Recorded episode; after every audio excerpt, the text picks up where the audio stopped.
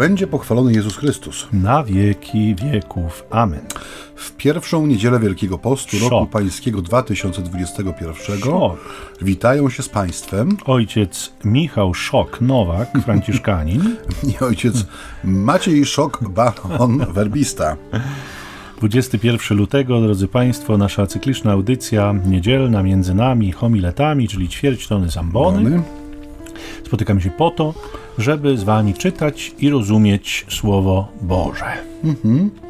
Dzisiaj już tradycyjnie w tym roku spotykamy się nad Ewangelią Markową. Nie tylko ze względu na to, że jest ona markowa, czyli jakościowa, ale że została napisana przez świętego Marka, spisana. I dzisiaj mamy króciusieńki fragment, ale jak zawsze przebogaty w treści. Wsłuchajmy się w słowa dzisiejszej perykopy. Duch wyprowadził Jezusa na pustynię, a przebywał na pustyni 40 dni, kuszony przez szatana. I był ze zwierzętami, aniołowie zaś mu usługiwali. Gdy Jan został uwięziony, Jezus przyszedł do Galilei i głosił Ewangelię Bożą. Mówił, czas się wypełnił i bliskie jest Królestwo Boże. Nawracajcie się i wierzcie w Ewangelię. I to jest wszystko. Tak jest. Tych kilka wersecików. Ojcze, dlaczego Duch wyprowadza Jezusa na pustynię? Mam odpowiedzieć na to pytanie, czy to jest pytanie z cyklu tych retorycznych? No, jeśli ojciec jest gotów na nie odpowiedzieć, to niech ojciec spróbuje. Dla mnie odpowiedź jest e, no, nie tyle prosta, co e, nasuwająca się w odniesieniu do tego, co mówiliśmy sobie no już ładnych parę niedziel temu, mianowicie, że mamy tutaj do czynienia e, z doświadczeniem człowieczeństwa i bóstwa Jezusa, ale na ten sposób, który pokazuje nam, że Jezus jak gdyby e, no, w pewien sposób dorastał do swojej tożsamości. Nie? Pamiętacie, kiedy rozważaliśmy sobie scenę chrztu Jezusowego, e, tego chrztu Janowego, w sensie, e, do którego przystępuje Jezus, mówiliśmy, że On w tym momencie zyskuje swoją tożsamość, że to otwarte niebo i głos, który słyszy, że ten jest mój syn umiłowany, w nim mam upodobanie, że tych słów nie słyszy nikt poza Jezusem, że one są skierowane do Niego. To jest umocnienie jak gdyby w tej tożsamości, która, y, no, która jest mu pisana, w sensie zgodnie z misją, której się po- po- podejmie za chwilę. I jak gdyby ta Ewangel- Ewangelia, która jest dzisiaj tutaj przed nami, ona jest w pewien sposób do, dla mnie jest takim dopełnieniem tej tożsamości, nie? że mm, nie jest tylko y, nie, nie wybrzmiewa tylko zapowiedź tego, kim Jezus jest i kim ma być dla człowieka i świata, tylko niejako y, no, mamy obrazowo pokazane, na czym polega mm, jego misja, że na czym i czym, kim jest Jezus, kim jest ten, który zyskuje swoją tożsamość w sposób no taki, a nie inny. Wobec tych wydarzeń, które rozważaliśmy, nad którymi już się, y, używając tego wygodnego, kościelnego zwrotu, pochylaliśmy się tutaj w studiu nad tym wygodnym, nowym stołem. No ładnie to ojciec y, podsumował. Natomiast ja muszę przyznać, Czy my że... się już żegnamy? Nie. Jeszcze chyba nie, jeszcze chyba nie. Tak myślę. Ale y, ja przyznam szczerze, że kiedy to pytanie wybrzmiało we mnie, to próbując sobie na nie odpowiedzieć, postawiłem sobie drugie pytanie, no bo y, siłą rzeczy ten obraz 40-dniowej pustyni Jezusa nawiązuje do innego okresu 40-letniego na pustyni i y, postawiłem sobie pytanie, dlaczego Bóg wyprowadził Izraelitów na pustynię. I to wyprowadził ich na 40 lat. Mm, I y, no, Księga Powtórzonego Prawa daje nam taką odpowiedź na to, nie? aby ich wypróbować, no ale też, żeby ich nauczyć wolności i e, przede wszystkim z całej tej historii pustynnej narodu wybranego niewątpliwie chodzi o to, żeby ich nauczyć pełnej zależności od Ojca. Nie? Tej, tej świadomości tego, z kim mają do czynienia, jakiego rodzaju Bóg do nich przemawia i im się objawia.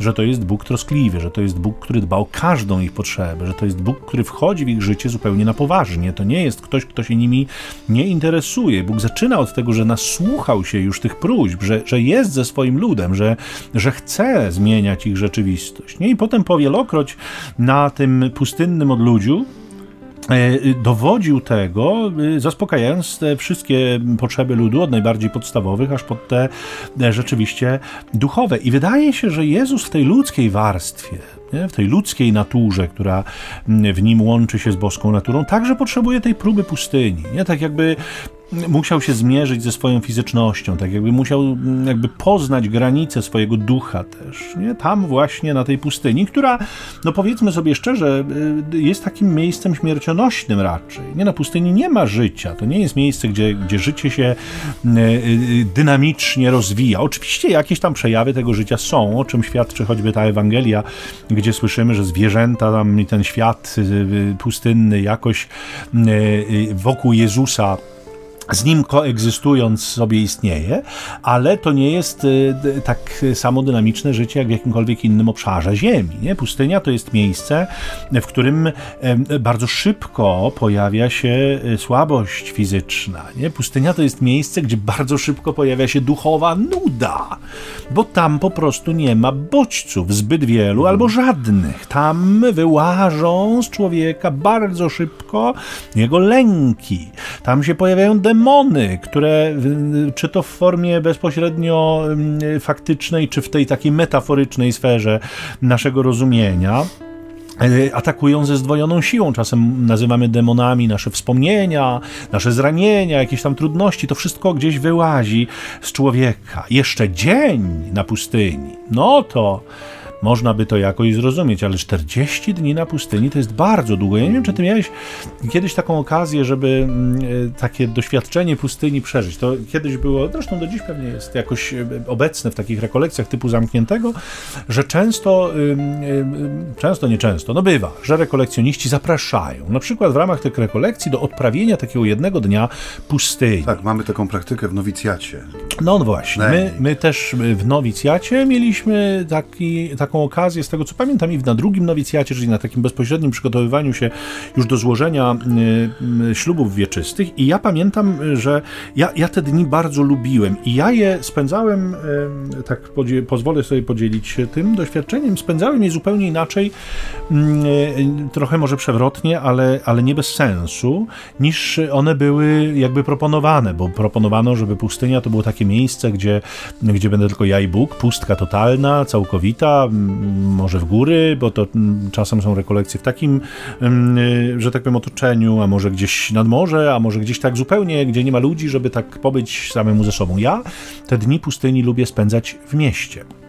Ja lubię iść w centrum miasta i tam poczuć pustynię, tam poczuć ten wymiar pustynny, to znaczy tam uzmysłowić sobie, że jestem ja i Bóg, zobaczyć tych ludzi, którzy gdzieś pędzą, ciągle gonią, którzy mają jakieś swoje... Jak ziarenka piasku pędzone wiatrem. Nieco mają jakieś swoje życie, które, które ich e, motywuje do tego, żeby biec. Pamiętam, pamiętam ja, ja mam te obrazy pod powiekami, kiedy zamykam oczy, kiedy na nowicjacie w Gnieźnie poszedłem do parku miejskiego, spędziłem kawał tego dnia, patrzyłem na, na dzieci, które z paniami z przedszkola sobie za rączkę tam y, y, podążały, no bo to tak, takie miejsce, na, na biegaczy jakichś, na innych ludzi, którzy, którzy mieli swoje sprawy, którzy byli zajęci swoim życiem i ja miałem tę świadomość, że jestem ja i Bóg, że tam się spotykam rzeczywiście w pełnej zależności zależności od mojego Boga, gdzie ten świat jakby zewnętrzny dla mnie przestawał istnieć w jakimś wymiarze. Nie? On, on przestawał być ważny, bo ja chciałem uchwycić tę tajemnicę Boga, z którą miałem się spotkać. Nie? Muszę przyznać, że dla mnie to, na mnie to działa lepiej nawet niż, niż te miejsca takie zupełnego odosobnienia. Nie wiem, czy ty masz takie jakieś tam swoje doświadczenie, może byś zechciał. Pustyni jako tak, takiej? Tak.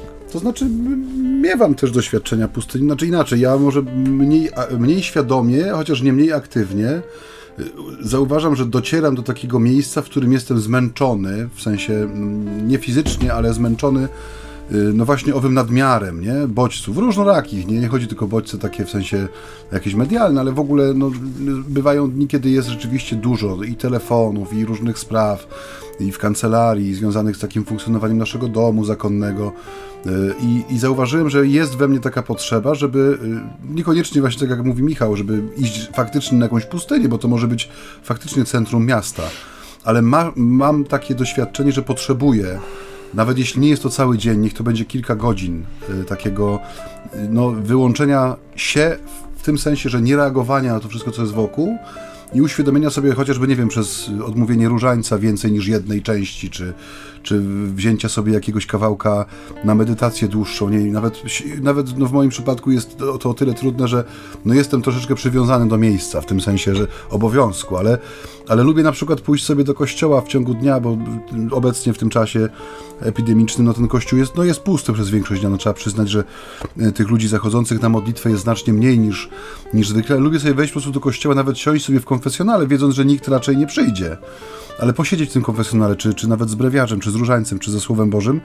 I jest ta potrzeba rzeczywiście, żeby uświadomić sobie, że tą podstawową relacją, która ma nas określać, jest ta relacja Pan Bóg i ja. Nie? Że nie, nie nie, niewypadkowa właśnie tych bodźców zewnętrznych, które przychodzą i no, w jakiś sposób ustawiają nam dni, tygodnie i miesiące, ale że to jest ten kręgosłup, który powinien być zawsze wyprostowany, nie? I to jest jedna rzecz. A druga rzecz, to co powiedziałeś o pustyni, ja bym chciał jeszcze tutaj dodać, mhm. że w jednym z filmów przyrodniczych, dobrych, takich angielskich, nie? Padło fajne słowo, na temat pustyni, że pustynia jest miejscem bardzo pełnym życia, ale jest to życie nie tyle ukryte, co doskonale dopasowane do istniejących warunków.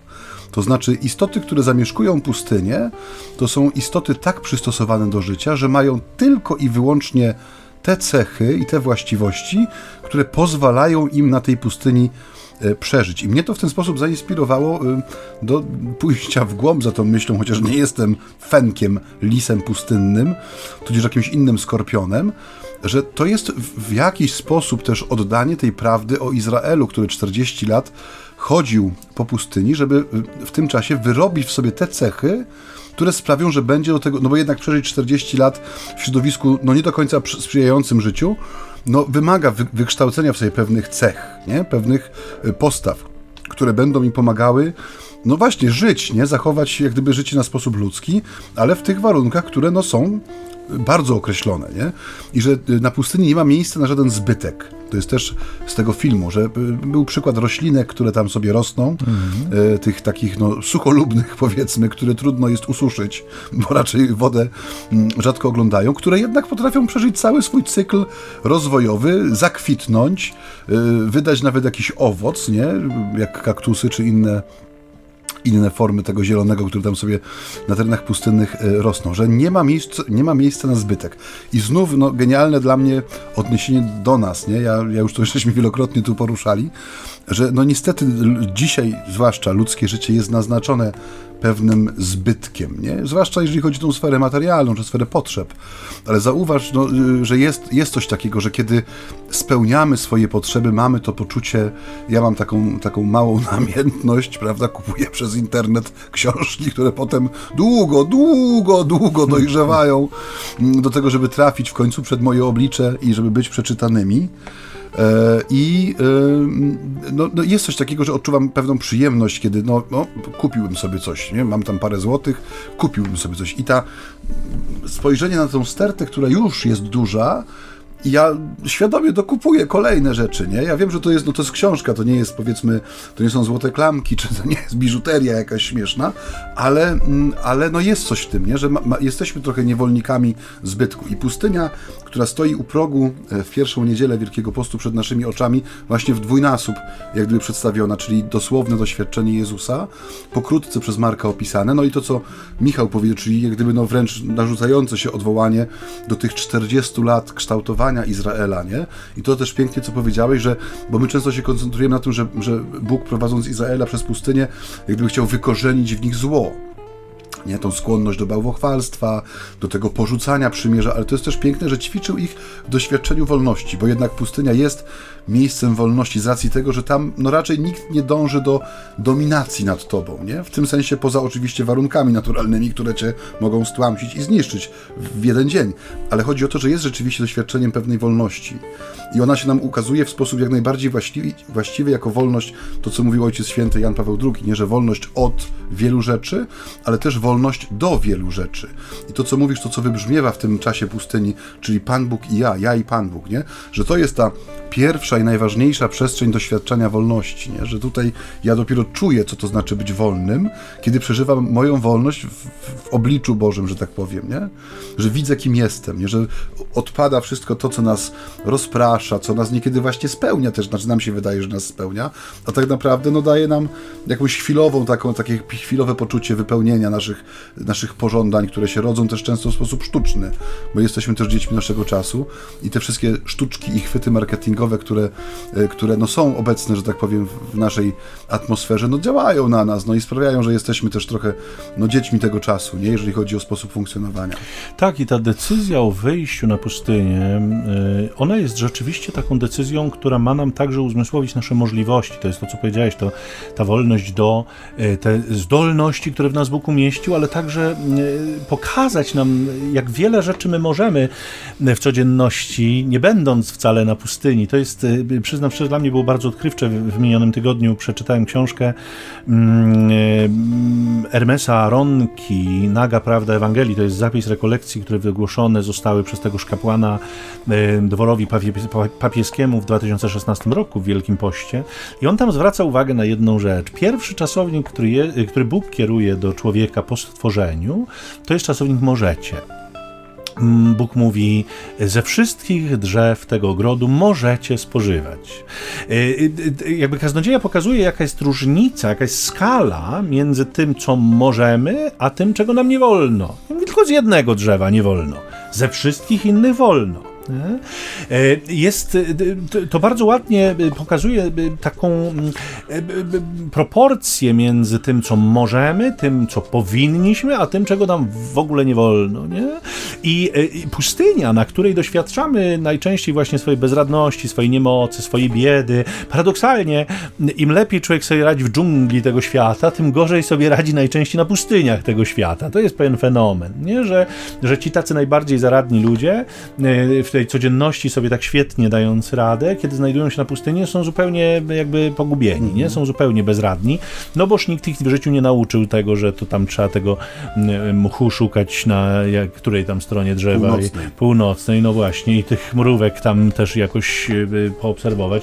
To może lasy, nie pustynie, no ale y, mówię o takich naturalnych zjawiskach, których my nie jesteśmy często świadomi na pustyni y, i nie jesteśmy w stanie ich odczytywać i interpretować. Natomiast, natomiast tam doświadczamy tej swojej biedy, tam doświadczamy tej swojej niemocy tam y, jakby doznajemy szybko, bardzo szybko zmęczenia. Marek nam sugeruje w tej Ewangelii, że demon kusił Jezusa od samego początku, nie, nie po 40 dniach przystąpił do niego, jak bodaj Łukasz tę sprawę mm, mm, pokazuje. Natomiast Marek sugeruje, że, że Jezus jest kuszony przez cały ten czas i być może to y, y, jakby uzmysławia nam, że rzeczywiście pokusy na pustyni narastają. Nie? To znaczy, im większe jest zmęczenie, tym demon, który wyczuwa takie rzeczy, jest bytem inteligentniejszym od nas, stoi wyżej w hierarchii stworzeń, tym bardziej demon stara się nas zniszczyć, a tu w tej Ewangelii rzecz jasna Jezusa zniszczyć. Nie? To y, byłby taki bardzo czytelny też obraz działania demona w naszym życiu, bo zobaczcie, drodzy Państwo, że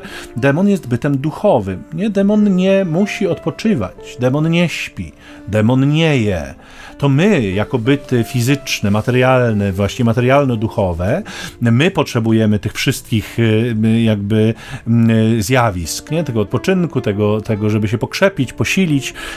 Demon tak naprawdę tego zupełnie nie potrzebuje i to go odróżnia od tych bytów materialnych, od tych bytów cielesnych, do których w swoim ludzkim e, wymiarze należy także Chrystus. Nie? On przyszedł i nie skorzystał ze sposobności, aby na równi być z Bogiem, dlaczego łocił samego siebie. Ale zauważcie, i to jest też e, takie interesujące, obserwacja Marka, która nam pokazuje, że świat zewnętrzny, ten nieprzyjazny świat pustynny, wcale nie utrudnia życia Jezusowi. Nie? On, to nie jest tak, że, że świat nie jest taki zły. My czasem taką mamy tendencję, że świat nam wszystko dookoła nam tak utrudnia to życie. Nie, Marek mówi, że zwierzęta, że wszystko to żyło wokół Jezusa, że to wszystko sobie tam istnieje i nie ma śladu tego, żeby ten świat nieprzyjazny skądinąd człowiekowi, o czym Maciej już mówił e, tak szeroko, że ta pustynia to nie jest naturalne środowisko naszego życia, on ten świat nie uprzykrza życia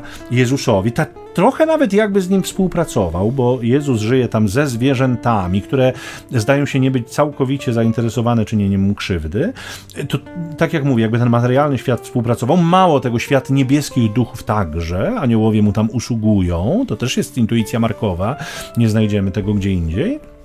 E, owszem, znajdziemy Łukasza, ale dopiero w ogrójcu, kiedy ojciec zsyła anioła, mhm. żeby go umacniał, a jest tylko jeden świat, który jest Jezusowi przeciwny. Nie? To jest świat złego ducha, ducha, który doskonale wyczuwa, że tu się zaczyna coś dziać. I to, co się mhm. będzie działo, nie jest bezpieczne dla no niego. To, co pokazuje nam Marek, też pomaga nam zrozumieć, gdzie jest prawdziwy przeciwnik. Znaczy inaczej, tak jak mówisz, nie? że często to demonizowanie świata E, no jest, no jest to taki, taka czkawka trochę, użyjemy teraz mądrego, e, mądrego zwrotu manichejska, nie? w sensie -hmm. tego podziału rzeczywistości na złą materię, czy demoniczną materię i uwznioślonego ducha. Tymczasem tu widzimy, tak jak Michał powiedział, że y, jak gdyby no, na moment jesteśmy w ogrodzie Eden na tej pustyni, w tym sensie, że jest Bóg, człowiek, i wokół niego trochę się spełnia ta wizja bodajże z Izajasza, tak? gdzie jest ten, ten obraz tak. tego stworzenia, tak. które będzie no, w pełnej harmonii. Nie?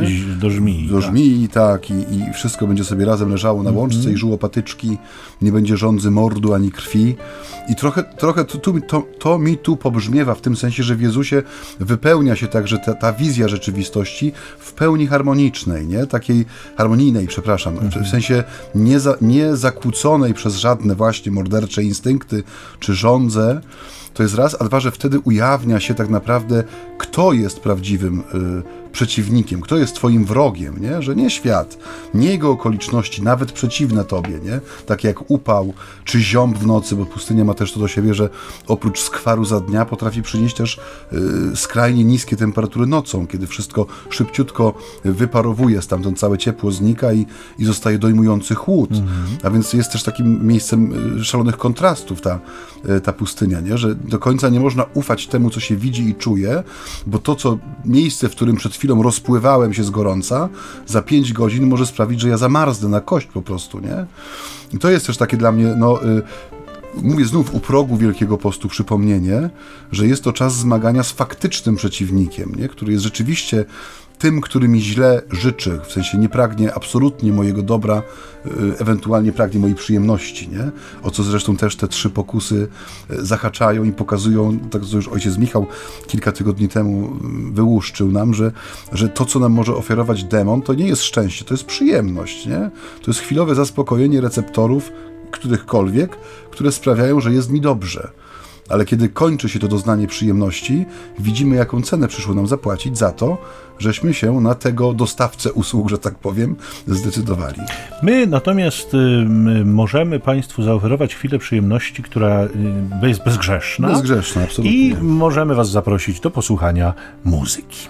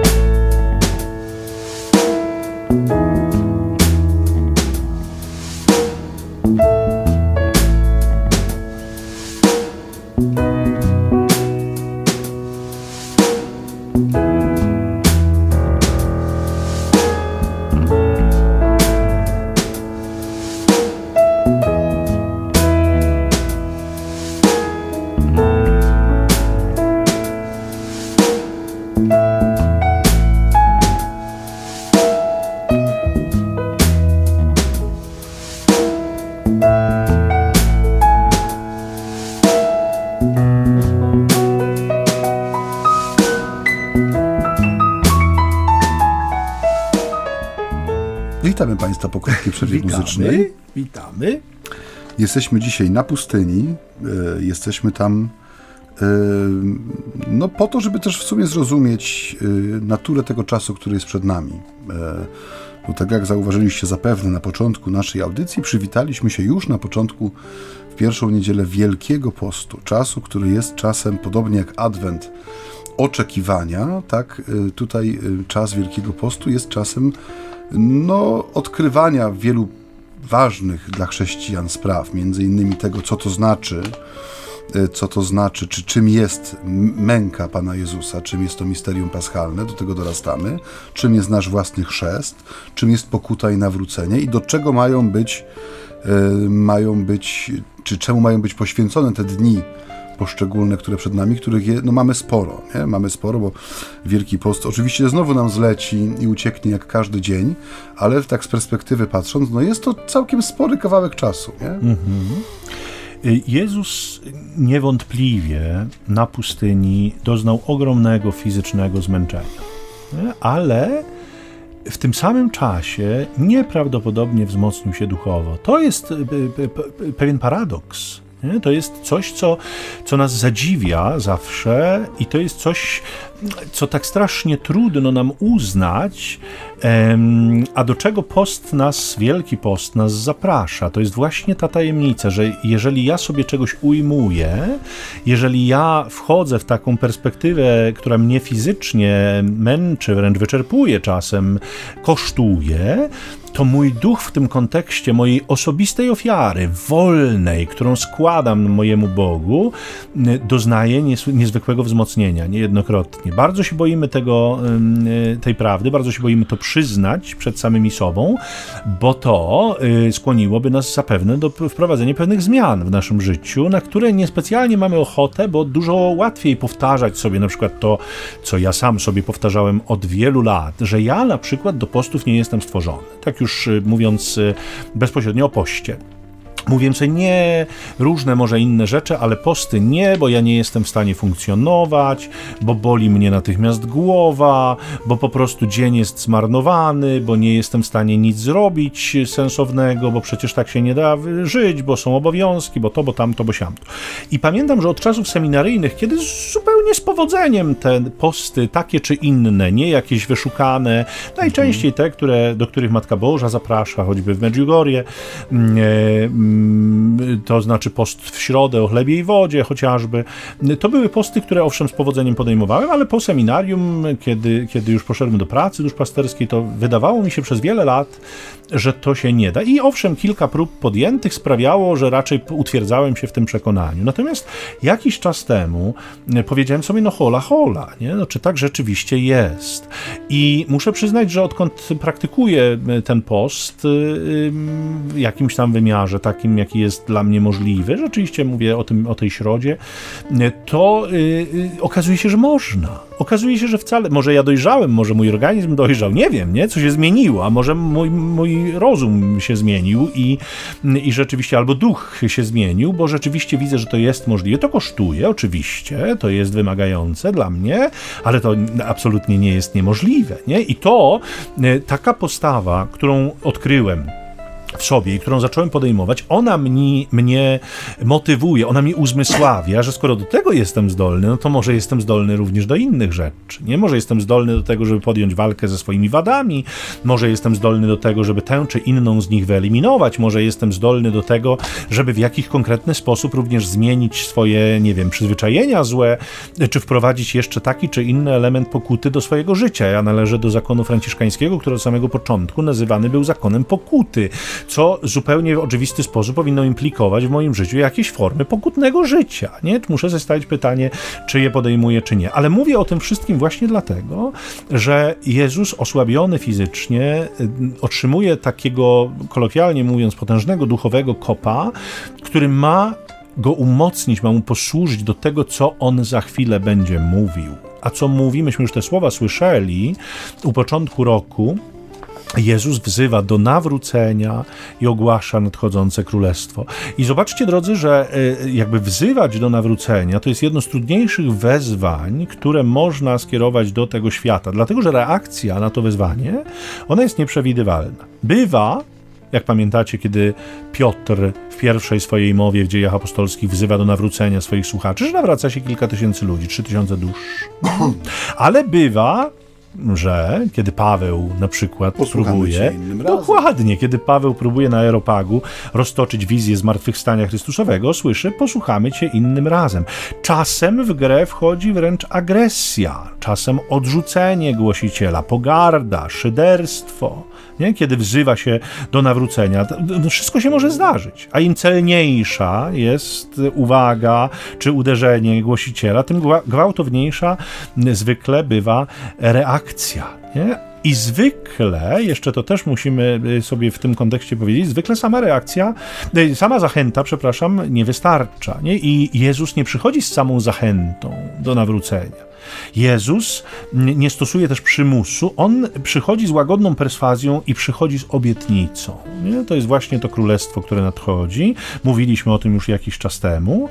E, Ta głoszona przez Jezusa dobra nowina jest, myślę, niesłychanie, niesłychanie ważnym i cennym i przydatnym dla nas obrazem na ten rozpoczynający się czas Wielkiego Postu, czas pustyni, czas próby, ale też czas swoistego napięcia, które ma prowadzić do zwycięstwa mocy Bożej w nas. Nie?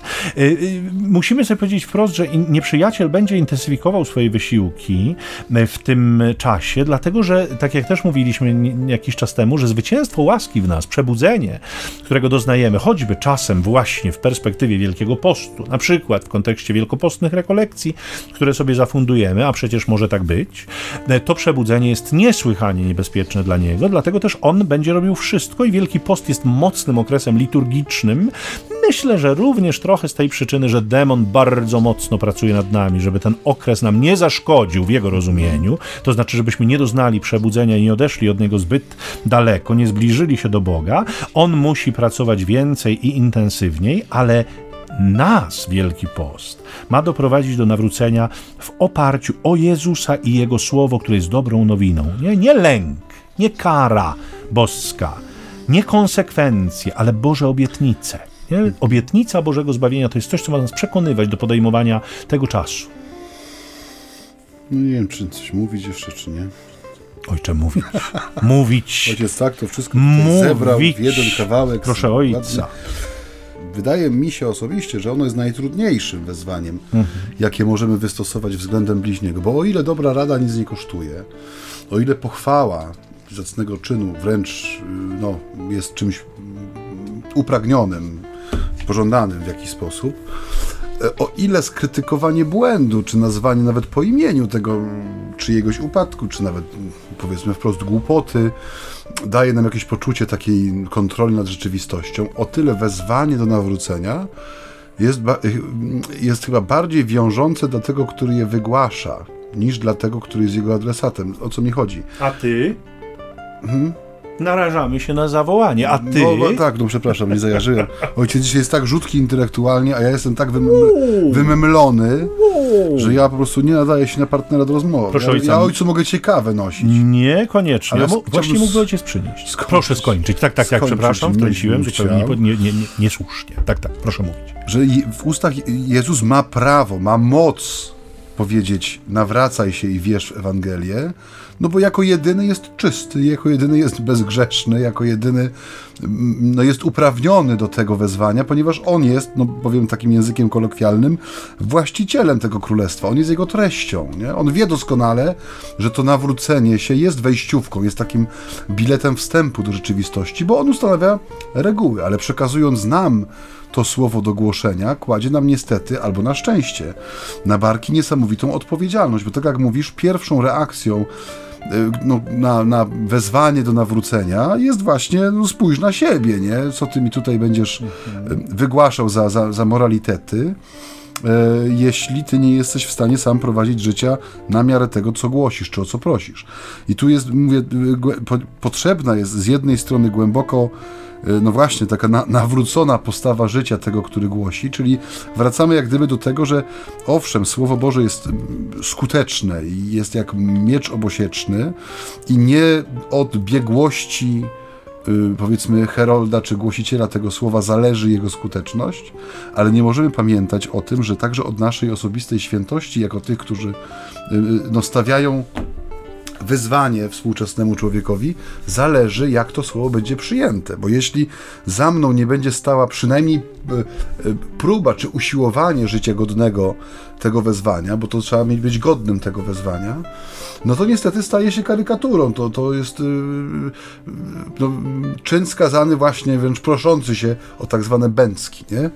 Żeby wręcz właśnie nie tylko zapytać, a ty, ale wykazać wręcz, że twoje życie jest życiem no, zaprzeczającym temu wezwaniu. Nie? I tu jest też wielkie no, niebezpieczeństwo w tym sensie, żeby nigdy nie traktować tego wezwania do nawrócenia jako y, y, słowa czy stanowiska biorącego się z jakiegoś poczucia wyższości, nie? że oto ja wiem, jak należy czynić, ja wam to mówię, bo wy jesteście zagrożeni, czy wręcz już, wręcz już straceni z powodu waszych uczynków. Nie, bo wtedy nie jest to absolutnie ewangeliczne, to jest raz. A dwa, że nie ma udziału niejako w mocy tego słowa Jezusowego, nie? które miało swoją moc w tym zakorzenioną, że było słowem Boga, nie? którym jest czysty, jest bezgrzeszny, jest święty jest y, y, przede wszystkim no, jest y, ukierunkowany na człowieka nie właśnie z powodu wyższości czy nieskończonej przepaści, która dzieli Boga od stworzenia, ale czyni to jako pokorny sługa, nie? że Jezus nie przestaje być także w tym wezwaniu do nawrócenia sługą człowieka. On mu pokazuje drogę wejścia do rzeczywistości, która go uszczęśliwi w sensie trwałym, nie? jako Królestwo Boże, jako nasz udział w nim, nie tylko w doczesności poprzez znaki i sakramenty, ale też nasze życie z Bogiem no, wtedy, kiedy już nastanie wieczność. Nie?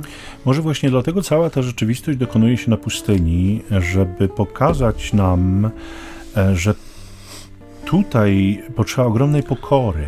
Nie? Pokory, a może czasem wręcz upokorzenia, którego doznajemy, bo wiemy dobrze, że nawet nasze duchowe triumfy mogą stać się źródłem przemocy wobec innych. Nie? Bo bywa, że idziemy z, z wezwaniem do nawrócenia, głęboko przekonani o tym, że nie, że jesteśmy bezgrzeszni, tylko że my tak znakomicie się już nawracamy, my już podjęliśmy ten trud i jesteśmy z tego dumni. Nie? Mamy pokorę i jesteśmy z niej dumni. dumni tak. tak.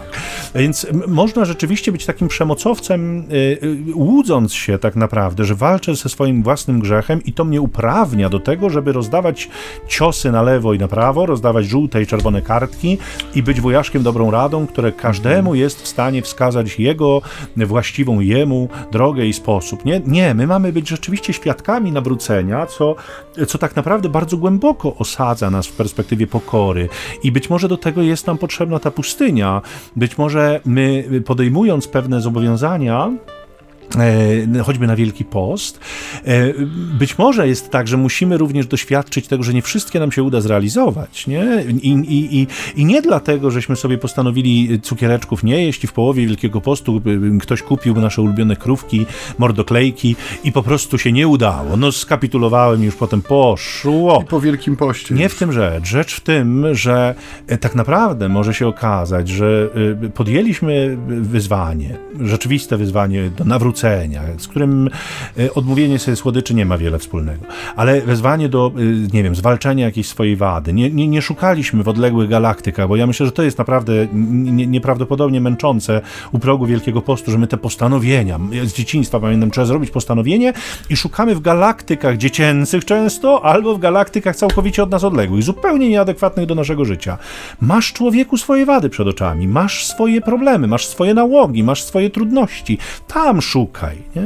I jeżeli takie zobowiązanie podejmiesz jedno, drugie, trzecie, nie więcej, to może się okazać, że dwa oczywiście jakoś tam, a jedno nie szło jak piernik, nie? że starałem się, robiłem różne rzeczy i doświadczyłem swo swojego takiego no, upokorzenia głębokiego, że okazało się, że coś jest silniejsze ode mnie, nie? że ja, ja zdawałem sobie sprawę w codzienności, nie? ale no, codzienność to jest coś innego, ja biegnę, ja, ja się śpieszę, ja mam tysiąc obowiązków, ja mam sprawy, wśród tego no, może mi nie wychodzić, ale tutaj jest wielki post, ja podejmuję zobowiązanie, że sobie poradzę z tym czy z tamtym i nagle się okazuje, że mnie to rozkłada na łopatki, że ja nie jestem wcale taki silny, jak mi się wydawało, wręcz przeciwnie, że jakaś głupia wada, drobna wada, nie? choćby ta, że nie, nie wiem, nie opuszczam po sobie deski sedesowej, co bardzo irytuje moją żonę, na no przykład. Jest to ładne, nie? że świętość zaczyna się od cichego od, zamykania Dokładnie, drzwi. nie? Jest... Dokładnie. Że taka głupota, a ja nie jestem w stanie o tym pamiętać, a ja nie jestem w stanie nad tym zapanować. Rozkłada mnie to rzeczywiście na plecy.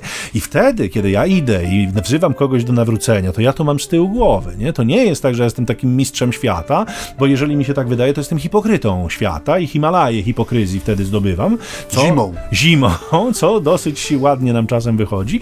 Natomiast ta świadomość tego, że jestem biedaczkiem, nie? Biedakiem, który się nawraca na pustyni swojego życia i niejednokrotnie jestem pokonywany przez banały, pokonywany przez takie sytuacje, które, które powinny być pod moją kontrolą. Ja, facet, 40-letni, nie? który powinienem sobie radzić z tym, z tamtym, owym, okazuje się, że sobie nie radzę. Nie? I to prowokuje, to jakoś wy, wypracowuje, czy, czy budzi we mnie taką postawę pokory, nie? że jeżeli ja już idę i wzywam kogoś do nawrócenia, to trochę tak jak jakbym stawał w dwóch miejscach, nie? Tu stoję jako ten, który wzywa do nawrócenia i jednocześnie stoję też w tym, w tym drugim, czy obok tego drugiego, który słucha tego wezwania do nawrócenia, bo ono jest dokładnie tak samo kierowane do mnie, nawet jeżeli wychodzi z moich ust. I to e, też często tu podkreślaliśmy, drodzy Państwo, nie, że jako kaznodzieje najpierw mówimy do siebie. My musimy najpierw musi, mówić do siebie, bo inaczej jest źle. Jeżeli my jakby rozdajemy ludziom dobre rady, sami z nich w żadnym wypadku nie korzystając, no to to jest bieda i słuchacze wtedy doskonale to wyczuwają i wtedy całkiem zasadnym jest pytanie, a ty?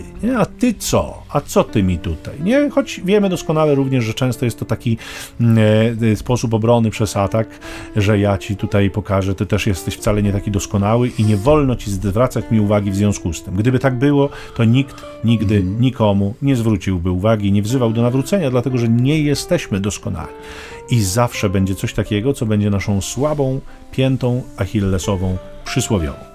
Pięknie, ojcze, ojcze, znów ojciec co zrobił. No ja nie wiem, co powiedzieć. Po ojcze... Ale powoli musimy lądować. Nie jeszcze. Jak nie? Nie, ja chcę jeszcze mówić. Chcesz mówić, mówić, mówić. Więc w tym wezwaniu do nawrócenia jest bardzo skuteczne narzędzie pracy nad sobą, nie? Mhm. Ja to też odbieram w ten sposób, że można sobie postawić pytanie, czy koniecznie trzeba wypowiedzieć to wezwanie do nawrócenia. To znaczy, tak. bo my myślimy w tej chwili oczywiście o konkretnych sytuacjach, nie? Kiedy widzimy no chociażby widzimy czyjś grzech, czy czyjś upadek, który powoduje, że ciągnie ze sobą innych. I jest to pytanie, czy jest we mnie, czy jest we mnie odwaga, żeby e, podjąć inicjatywę i nie tylko wykazać błąd, ale właśnie wezwać do nawrócenia, nie? że no, w jakiś sposób dać człowiekowi do zrozumienia, że jego los nie jest mi obojętny, bo to tu głównie o to chodzi. No i właśnie, to rodzi się pytanie, czy ja, ja sam jestem w dyspozycji, żeby takie słowo wypowiedzieć. A jeśli nie mogę go wypowiedzieć, czy moje życie, jako powiedzmy taki no, zewnętrzny jakiś znak, gest, yy, który ma świadczyć o tym, co przeżywam wewnętrznie, czy jest skutecznym wezwaniem do nawrócenia, nie?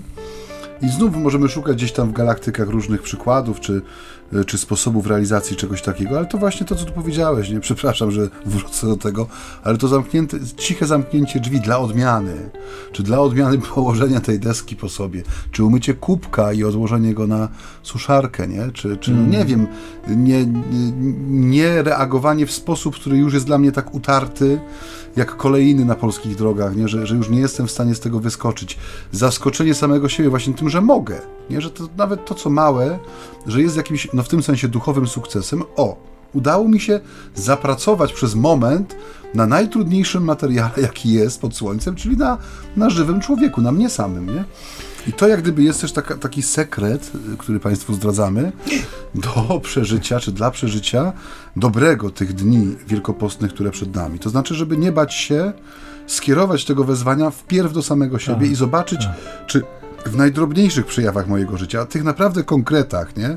o których często nawet nie chce się mówić, bo, bo są tak banalne, żeby w tym spróbować zaaplikować sobie, no właśnie tą, tą dozę wezwania do nawrócenia. Szanowni Państwo, nie bójcie się Wielkiego Postu, to jest cudowny y, y, czas w naszym życiu. Natomiast ja pozwólcie, że podsumuję tylko jednym e, zdaniem z e, listu do Rzymian z ósmego rozdziału. Święty Paweł pisze tam tak, że Bóg z tymi, którzy Go miłują, współdziała we, we wszystkim, wszystkim, dla ich dobra. Tak jest. Możemy być pewni, że w tym Wielkim Poście towarzyszy nam łaska, a nasze zadanie tylko i wyłącznie z nią współpracować. Bóg jest dużo bardziej zainteresowany naszą świętością niż my sami, z prostej przyczyny, że On wie, czym ona jest. My tylko przeczuwamy, a On doskonale wie, ku czemu nas chce prowadzić i oby prowadził i Was, i nas. A za dzisiejsze spotkanie za dzisiejszy poranek tudzież wieczór, w zależności od tego, kiedy nas słuchaliście. Dziękuję Wam ci, którzy ten program przygotowują i go dla Was prowadzą, czyli ojciec Michał Nowak-Franciszkanin i ojciec Maciej Baron, werbista, który nas pobłogosławi na zakończenie. Na, to, na te niedziele i dni tygodnia, który się rozpoczyna, niech Was błogosławi i prowadzi Bóg Wszechmogący, Ojciec, Syn i Duch Święty. Amen. Pokój i dobro. Zawsze i wszędzie.